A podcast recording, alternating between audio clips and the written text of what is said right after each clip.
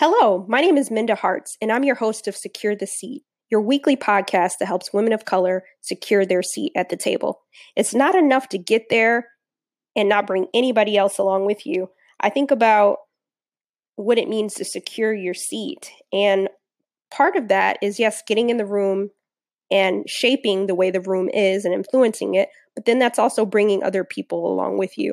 It's no good to be the first and the only. We got to secure that seat and allow representation to flood the room. So if you leave that seat, there's someone else that could take that seat and help pass the baton to the next one and the next one and the next one.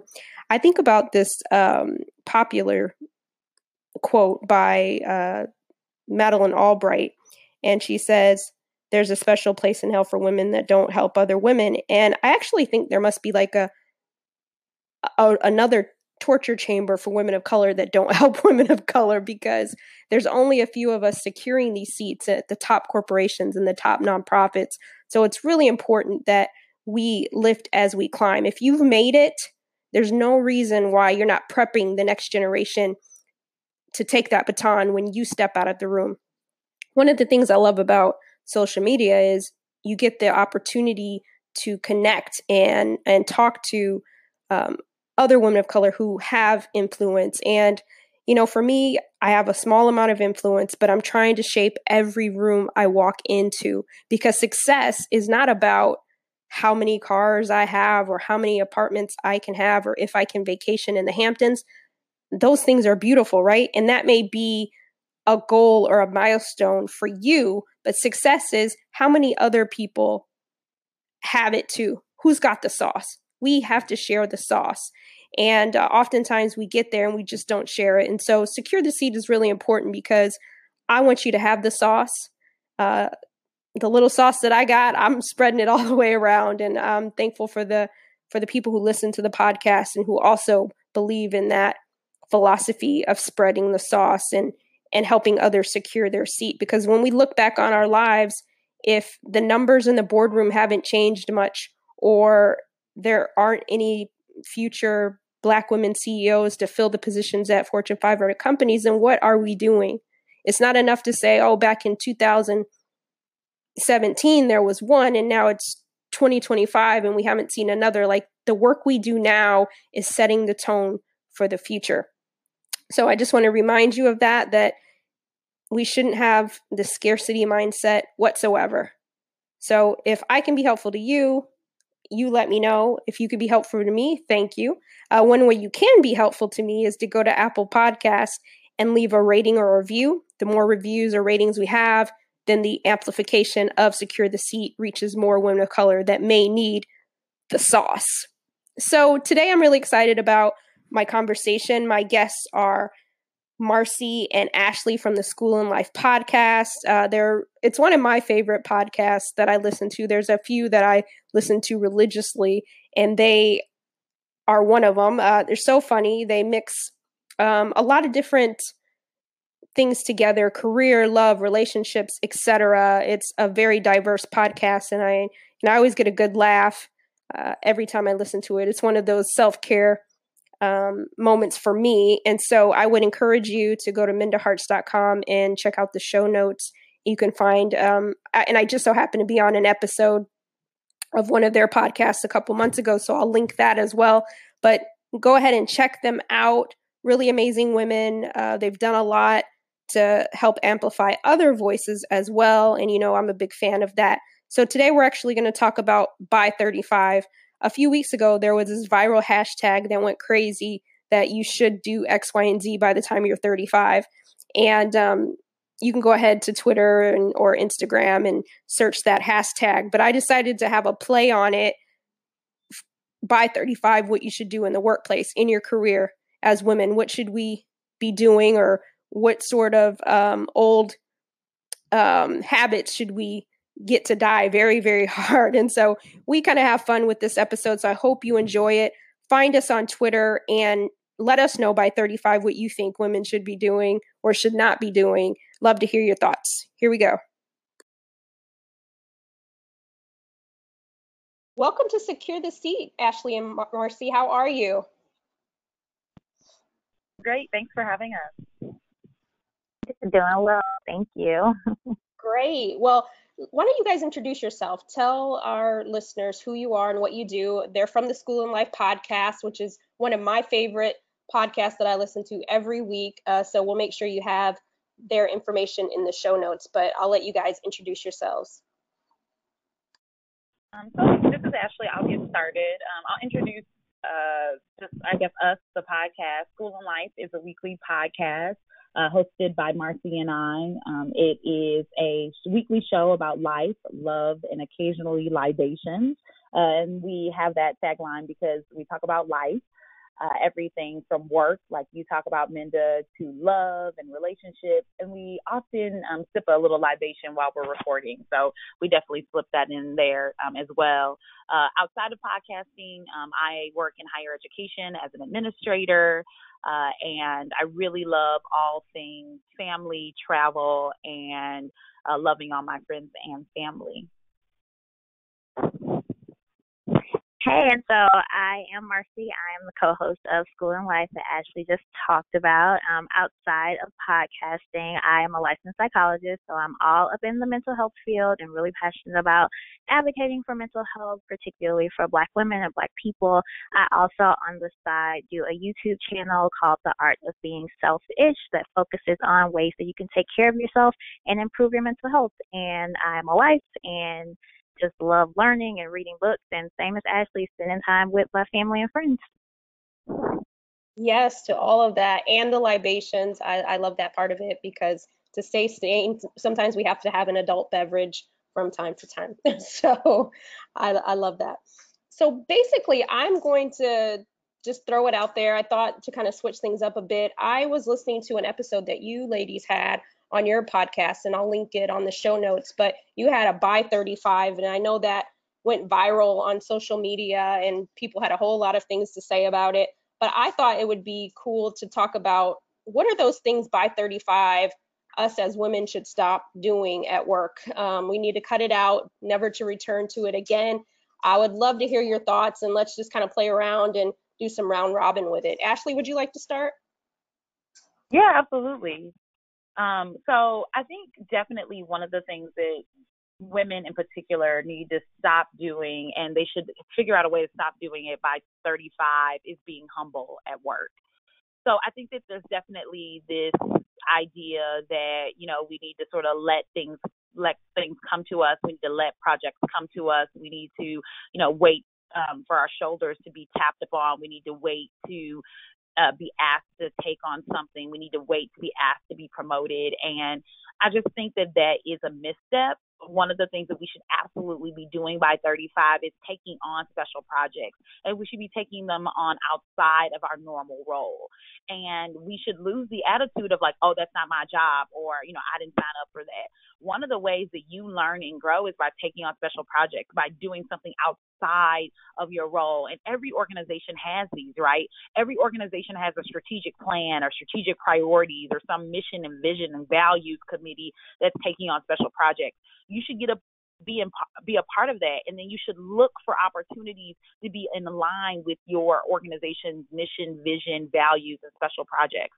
Um, i uh, in higher education we're the kings and queens of uh, strategic plans and special initiatives. And sometimes it can get overwhelming where you're like, okay, here they go with another campaign. But if you can find a way to align your skills and your values with that, and then, you know, co lead a project or, you know, take some special mini assignment or, you know, do something like that, I think that that is just major because when it comes out that these major initiatives were achieved, you know whose name's going to be attached to that? Yours. And you can take that with you. You know, it doesn't stay at that organization. You can leave leave with that, leave with that special project, being able to say that you, you know, were aligned with the organization's mission and vision and you were able to help them advance it.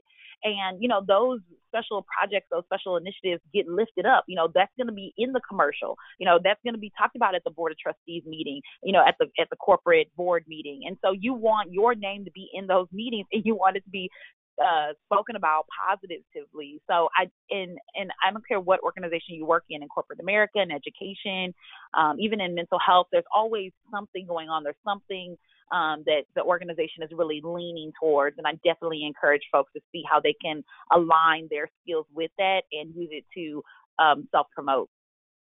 Um, the other thing that I think that we have to sort of stop doing by the time that you're 35, and I know this one might be a little bit controversial, but I think that we need to stop focusing so much on needing a mentor, but figure out ways that you can use your power, uh, your influence, shout out to the most recent episode of School and Life podcast, uh, to help someone else. So I think that, you know, black women in particular are, we're always talking about like motivation and being inspired and, you know, getting mentored and getting the support of other women, which I think is important and powerful. And I think it speaks to everything that you believe in, Minda, around like a seat at the table and securing a seat. But a part of securing a seat for me is being in a room where you can secure a seat for someone else. By 35, you should be in a position to know your influence and be able to open the door for someone else. People should be coming to you and say, Hey, Minda, do you know someone for this project? Or, you know, Hey, Marcy, like I heard that, you know, you're really well connected in this community. Like, do you have someone who you can recommend? People should be coming to you, not so much for mentorship, which is also important, but they should be coming to you as a person who's well connected enough to be able to bring someone else into the fold. And that doesn't mean that you can't also have a mentor um, and you can also still be developing your career, but you should be able to leverage your influence by the time that you're 35. You shouldn't be shrinking. You shouldn't be saying, well, you know, they didn't ask me. You should be stepping in and saying, hey, I know someone who would be great at this. And you should have a roster. Uh, we talk about this in dating. You know, you need somebody to change your oil. You need somebody who can take you out to dinner. You need to have a roster in work. You need to be able to like recommend someone and put somebody on. I think that that is so major, and I so want to see so many more of us do that. So those are my two. I like that. Yes, that was... Ashley. yes. Get it. I hope you all taking notes. I feel so motivated. I know, right? I feel like inspired myself to go to work tomorrow and take on a special project and recommend somebody for a job. Yes, i am so passionate about that. Like the special project thing, that has literally guided my career. In my current job, I've been here for about two and a half years, but I was working at another university um, in um, rural Indiana. I was, you know, toiling away doing my work or whatever. Um, my boss came to me and you know was like you know you need to do better at this and you need to do better at that and i was feeling sort of really lowly about my job like man like i'm going to have value here nobody appreciates me i was feeling like very insecure so i just started taking on special projects there were things that were aligned with the university's you know, mission and whatever. And I just got on a committee and then I got asked to like co lead a committee. And then like they were doing commercials and they were like, Hey, Ashley, can you come and like be an extra. Like it was like it just started expounding. And then I went to a national conference and I saw someone speaking. They said to me, um, you know, they were after they finished their speech, I walked up to them and I said, you know, hey, do you mentor people? And they were like, no. And I was like, well, would you would you consider mentoring me? And they were like, maybe. I had a couple conversations, and within a couple of months, they were recommending me for the position I have now um, and it was a life changer. You know, I moved several states away, and um, you know, I really love my job, and I'm so passionate about the work that I do uh, now. And so, I really believe in that idea that you can use, you can leverage your special project to advance your career. And it doesn't have to be that you're unhappy. I take on special projects now in my job and I love my job, but I don't ever want to get complacent. I want to be the person who people say, "Oh, well she can do it," or "She knows someone who can do it." I think it's I think it's the leveling up that enough people don't talk about. Yeah, absolutely. Um, I agree with everything you said. Uh, Marcy, what do you think? What are your things that we should learn and maybe stop doing by 35? So it's similar along the lines of like not of stopping being humble is to take risks at work and start stepping into more leadership roles. I think that a lot of times as we're trying to work our way up in the career field and we're trying to kind of move up, we generally are focusing more on just like what are the different things I can do to maybe get a promotion, what are the different things I can do to just move up that career ladder. But I think it's really important that we also focus on having a supervisory role, having a coordinator role where we actually have people underneath us and people that we're responsible for. So it's not just us looking out for ourselves and not just us working in these silos, but being able to say, yes, I've had the opportunity to do a performance evaluation for someone. I've had the opportunity to give feedback to someone who was working for me and helping me to do the things that I'm trying to do. I think that being a leader is really important. And even if you love your job and you're never planning on leaving that job, you're never planning on going anywhere else, which millennials, shout out to the millennial episode that we did recently, millennials are typically moving around in their work. So we're not generally staying at a job for 40 years or so. And when you get ready to leave that job, you're going to want to have some kind of leadership experience,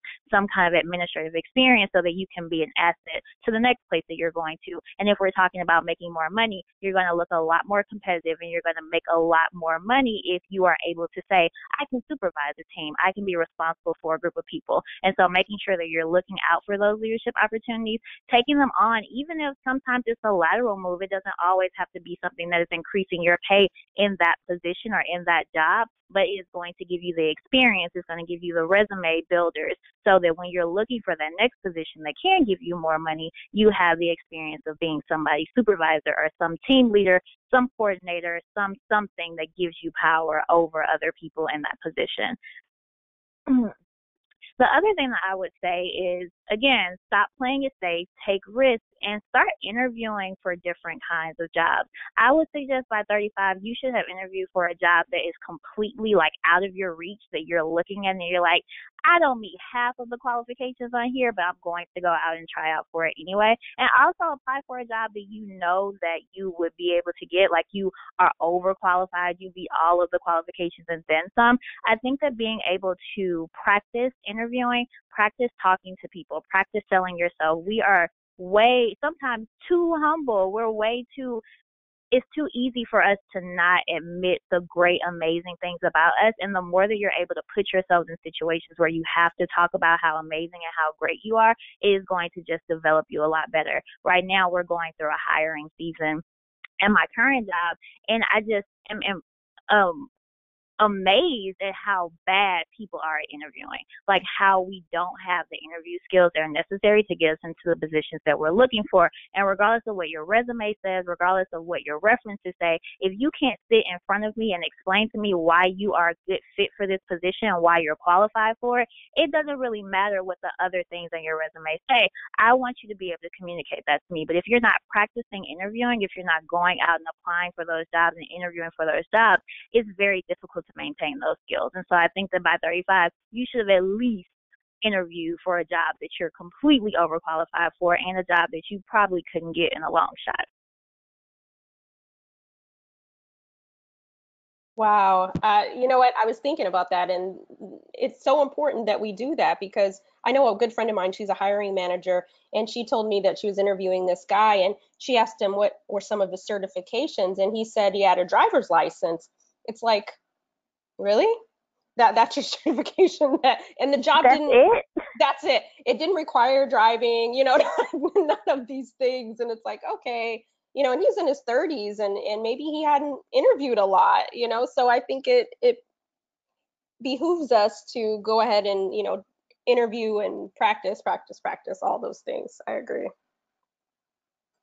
Exactly. And it doesn't have to be like, because I think that the other thing about it too is that you don't have to take the job. Like, say you go out and you interview for the job and you're offered it. I think another very good skill for us to have is learning how to turn down jobs that we're being offered. I think that a lot of times we feel obligated to take a job if it's offered to us and we interview to it because we spent our time or we wasted their time or whatever the case may be. But being able to get offered a job and say, no, I'm not going to take that for whatever reason, I think it's also a good skill. And so all of that is something that we can be practicing a little bit more. I definitely agree. Ashley, do you have anything you want to add? Yeah, I just have a question. So, Marcy, talk to me a little bit about like applying for jobs that you feel like you might be overqualified for. Like, talk. Can you share a little bit about what you feel like the value is of that, and would it be? I, I think I agree with you. Like I have that fear that like I wouldn't want to like apply for something that I feel like I'm over qualified for because maybe they would think that like I'm not in tune with my skills, or they would think like, oh well, she must have like a bad track record if she's applying for this lowly job. You know, so can you talk a little bit about like what your rationale is around that, and like how you feel like that can really benefit career development? Absolutely. And so I think that, again, to me, it's more so just about practice and maybe even just like a confidence booster, to be honest. So if you really want the job that you're overqualified for, and they are, they actually have the the ability to speak to you in person and kind of ask you the questions that you were just talking about being concerned about, if it's really something that you want, then you can be able to articulate why this job is meaningful, even though you're overqualified. So there are like a lot of positions that I've strayed away from applying for because I have a doctorate degree. And having a doctorate degree can be the overqualification hands down when the job that you're looking at applying for is more of a master's level position, right? And so it may be a job that I'm like super passionate about and I would really love doing, but because I have a doctorate degree, it automatically cancels me out in terms of being overqualified. And so I think that being able to articulate what the meaning behind something is for you, why this job in particular is something that maybe you're passionate about, that maybe you're willing to take a pay cut for, that maybe just because your resume says that you've done X, Y, and Z in the past, this is something that really has a lot more value to you than the work that you're doing right now. And so I think that there's this misconception that just because you have this these years of experience, like maybe you're going into a different field and you're trying to do something completely different, but because you've had these years of experience and these years of qualifications, it makes it seem ridiculous for you to be applying, applying for another job. However, you never know like what your life circumstances might be bringing up for you, and if the job that you're a little more you're overqualified for is more in line with maybe your second career or the things that you're more passionate about then i feel like that helps you to be able to really articulate like what your values are and what the meanings are behind what you're applying for I really appreciate you explaining that in more detail. So, like this idea of like career transitioners and, you know, using this um, strategy to like leverage your like your career transition because you used to be in nursing and now you know you're working in social work and you need to sort of leverage that or like the niche piece. So i really i really love that because like for example you know i think in the future at some point in my career i definitely want to work for a community college. And a lot of my girlfriends are like a community college like you know isn't that like a step down right now? I work for a you know a d1 institution. Um but i'm like well no like community colleges are great. They have value and because I have a PhD, people are like, oh, well, like, you know, shouldn't you work at like a research one institution where they're doing research and they have grants and all this stuff? And it's been hard to try to explain to people. And then I start doubting myself, like, okay, well, maybe I don't want to work at a community college, you know? And so I really appreciate you sort of talking about why that has value. Thank you so much for that. Absolutely. Thank you both. I think those were four great examples of things we should be thinking about uh, by the time you get to 35. And if you're past 35, then something to consider stopping now or including in your um, your rituals as you're thinking about your next steps. You know, two things I thought about that I wanted to put out there to you two to see what you think about this. But I think by 35, um, people should stop putting uh, this particular thing on their resume, which is proficient in Microsoft or Excel or you know things like that. I feel like those are things that most of us by now everybody can do. I know even my godsons can do some calculations on excel and, and hide things. And so i think that putting some of that stuff on your resume is um, maybe not the best thing to add because it doesn't really highlight maybe the skill set that you that you have or what you could do. Maybe you say something like i can make pivot tables or be more specific in terms of what the projects you can do with inside Excel, but when so many people see your resume, you know, you have to stand out. And so putting some of those common things on there, I think, um, you know, when in your 20s is fine, but I think when you get in your 30s, you can start to kind of take some of that away. And then the other thing I was thinking is, um, and you guys might push back on this one, but I know in my 20s, I used to use a lot of sick days, even when I wasn't sick. And so it's like, okay, at some point, use your vacation days, you know, plan ahead, be an adult, grow up, you know, if you stayed out too night too long the night before, you don't have to use your sick days all the time, but just plan. Use those vacation days for what they are there for and um, you know just step it up a little bit mature in terms of um, you know what you're using your sick days for and all that good stuff. So what do you guys think about those two things Man, so I, I feel like you just like hurt a bunch of people's feelings with that. Don't put your Microsoft Excel uh, and PowerPoint skills on your resume. Yeah, Minda being super petty. I agree. Um, but I would also say that you can go ahead and take off uh, references upon request too. You can go ahead and remove that. Uh, if I want your references, I will let you know. You do not need to, you do not need to put it at the bottom, girl. It's fine. Like I get it. Agreed. Definitely agree. I also would encourage you to take off um, your internships from college like there's a timeline here and all of your like paid internships if you're 35 and you graduated from college at 21 22 your unpaid internships in college we can go ahead and remove those as well I also don't need to know every time that like every project that you worked on. Like I, like if you if you won a million dollar grant, leave that.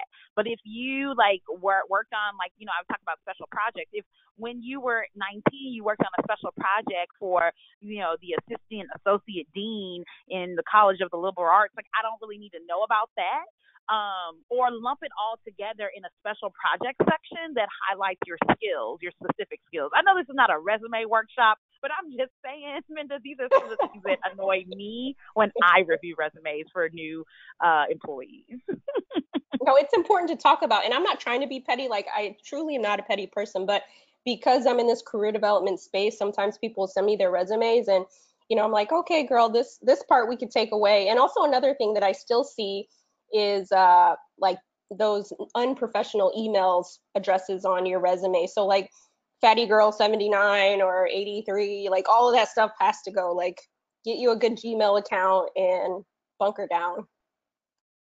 Oh, girl. Okay. I also um I think that your feedback about like sick days and vacation days and like navigating that is really gold, right? Like I think that that's a golden key. You know, so for example, like I'm team use all of your sick days and vacation days. You know, you you it is a you know a, earned thing. It's a privilege.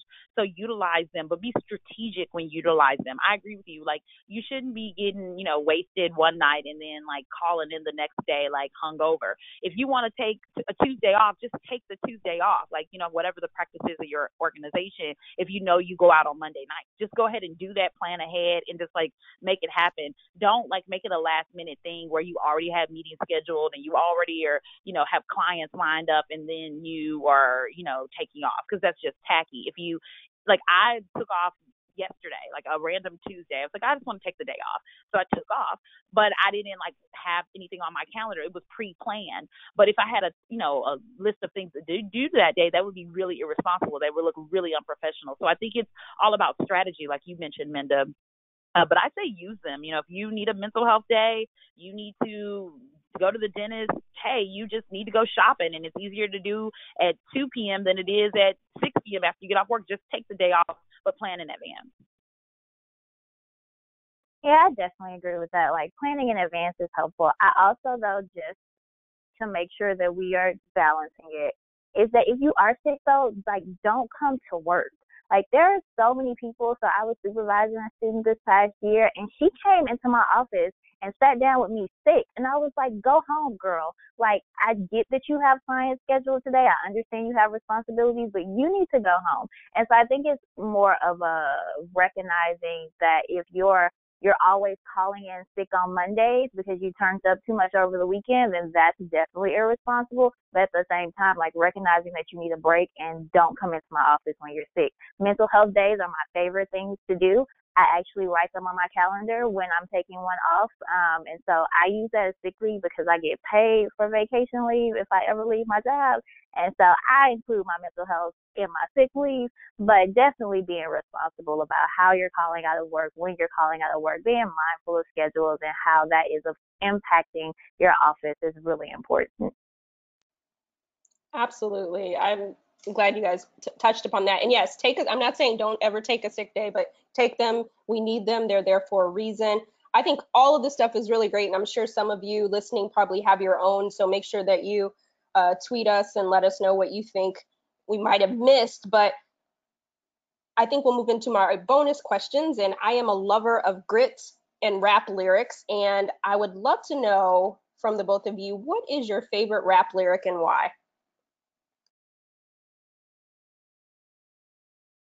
So I can start. This is Ashley. Um, so I I feel like my favorite rap lyric is probably from one of the most acclaimed rappers um, in the world, particularly right now. Um, the uh, daughter of uh, Jay Z and Beyonce, Blue Ivy, who was quoted as saying, "I've never seen a ceiling in my whole life." I too am trying to not see ceilings. I currently see them, but I'm trying to ascend past ceilings. Um, and so you know, she is, you know, a mogul and a movement, and I am really just trying to be more like Blue Ivy in my everyday life, but I'm I'm trying to remove the ceilings and not see anymore. And since Marcy said take risks, I'm gonna add another one because I have one more. This one is from Cardi B, uh, who said, "My little 15 minutes lasted long as hell, huh?" And that is the type of fame that I'm trying to have. that cockiness, that level of like you thought but you didn't know um, I just really love that. And shout out to female and toddler rapper. Nice. I love it. So it's so funny. Actually, we are so in sync because, um, of course, my favorite rap lines would be coming from Beyonce.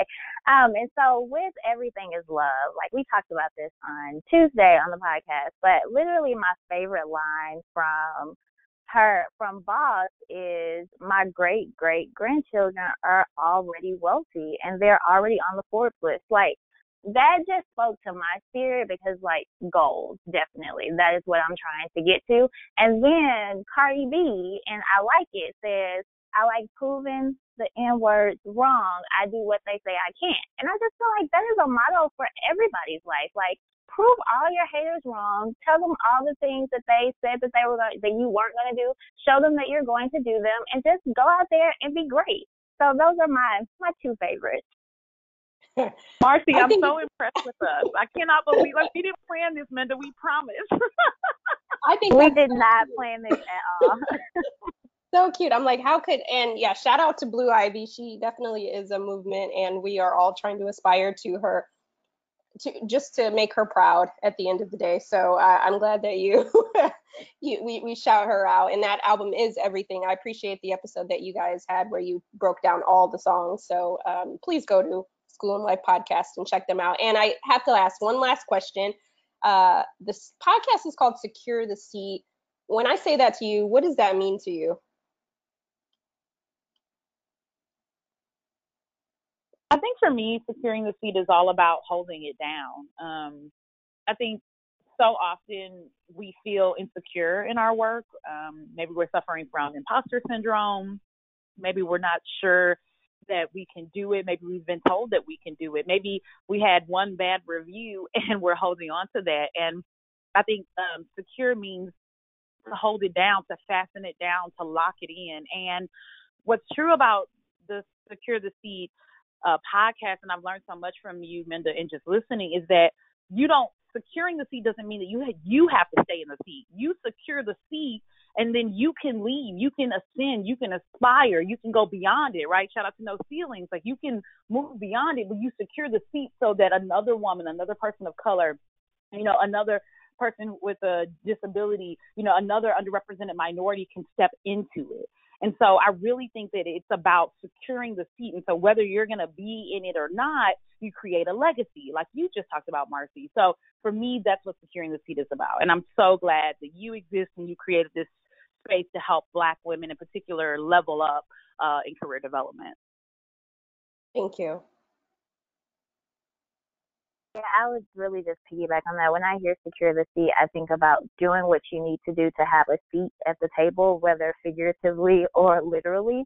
Um, I think that being able to make a place for yourself and then make a place for black women is really important. Setting the setting the path, setting the example, leading by example, showing women like what we need to be doing to have those seats because our voices are so often left out of the conversation and we're starting to see a shift in that. But I think it's on all of us to make sure that we are bringing our voices, we're bringing our perspective to the table and to the conversation so that our perspectives are included in all of that. And we can't do that without having a seat at the table. We can't do that without advancing in our careers. And like you said, busting out those glass ceilings. We can't do that if we're not putting in the work to make sure that we are being heard and we are being considered and we're changing the dynamics and the cultures of our environment so that we can start pulling other people up and start they take those seats as we start progressing to other seats. I wish I had like a church fan or something because I'd just be like waving it toward the two of you. You you drop those gems and I appreciate you guys sharing your insight on what it means to secure the seat and you to embody uh, women helping women because of the platform that you all hold. And so I just want to thank you for your voice and your intention. And um, thank you again for being here. Thank you for having Thanks. us, Minda. Yeah, thank you so much, Minda. This was so much fun. I, I feel really honored to be on an expert uh, podcast as it relates to career development. So thanks for having us. All right, you guys have a good night. I hope you enjoyed that episode as much as I did. If you have some by 35 you should to add to our list, find me on Twitter at me at Minda Harts, and hashtag secure the seat. Let's have some fun with it. Also, make sure that you go to School and Life Podcast. You can find all of their information again on my show notes page at mindaharts.com.